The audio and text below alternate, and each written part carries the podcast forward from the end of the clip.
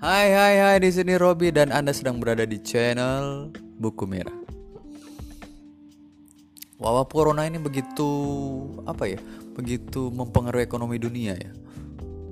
Kalau dari data yang ada saat ini konon nih Indonesia ke depan pertumbuhan ekonominya ya sekitar min 2%. What?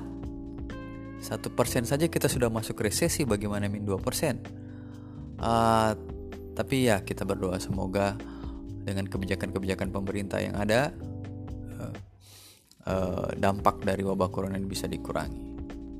Nah, bicara tentang dampak corona ternyata uh, ini juga tidak tidak bisa terlepas dari ternyata juga menjangkiti bisnis perhotelan atau sewa menyewa tempat tinggal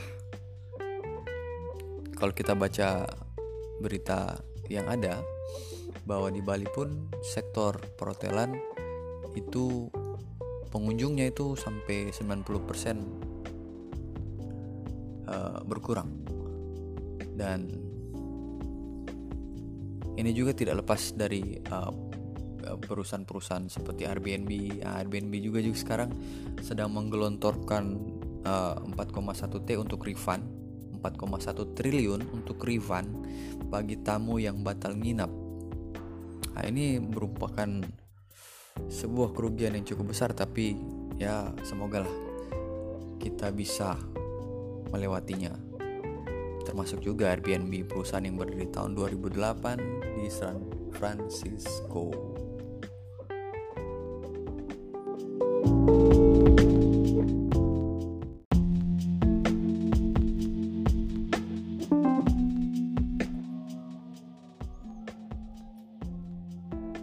Ya, apa kabar dengan kota Wuhan?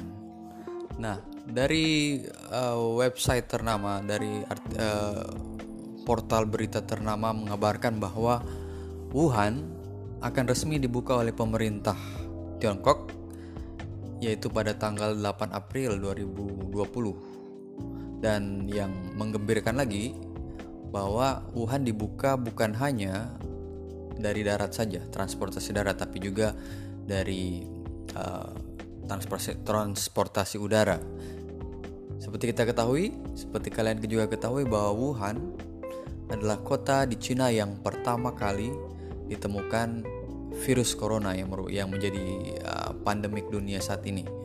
Dan uh, rupanya uh, Wuhan, kota Wuhan sudah berhasil melewati fase-fase krisis dari dari pandemi corona sehingga pada 8 April nanti mereka siap untuk terbuka untuk umum untuk bisa diakses dan mungkin uh, banyak anak-anak dari Indonesia anak-anak muda dari Indonesia yang belajar juga di Wuhan uh, perekonomian akan mulai tumbuh. Dan kita juga berharap bahwa uh, situasi wabah corona yang ada di Indonesia cepat berakhir ya dan uh, kita bisa beraktivitas seperti sedia kala dan uh, situasinya menjadi lebih baik.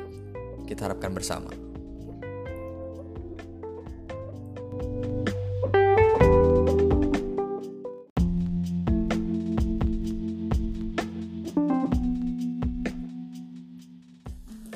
Dan untuk berita yang terakhir hari ini uh, IHSG menguat saudara-saudara. IHSG sampai berita ini diturunkan sampai saya mengucapkan berita ini dia naik 2, sekian persen lah. Konon katanya nih ada kejutan dari Cina tapi nggak tahu juga apakah yang terjadi sebenarnya. Tapi ya uh, ini merupakan hari yang positif untuk ekonomi khususnya bursa saham. Dan seperti kita ketahui bahwa mungkin kalian mengikuti uh, dunia persahaman uh, mengetahui bahwa indeks saat ini uh, sedang anjlok dari yang semula hampir 6000 ya mungkin 5800 sekian uh, rupa sekian sekitar begitulah sekarang indeks harga saham gabungannya masih di posisi 4000 sekian. Namun dalam tren yang positif. Ya semoga ke depan uh, ISG naik terus dan mencapai level yang seharusnya. Oke? Okay? sukses buat kalian. Tabe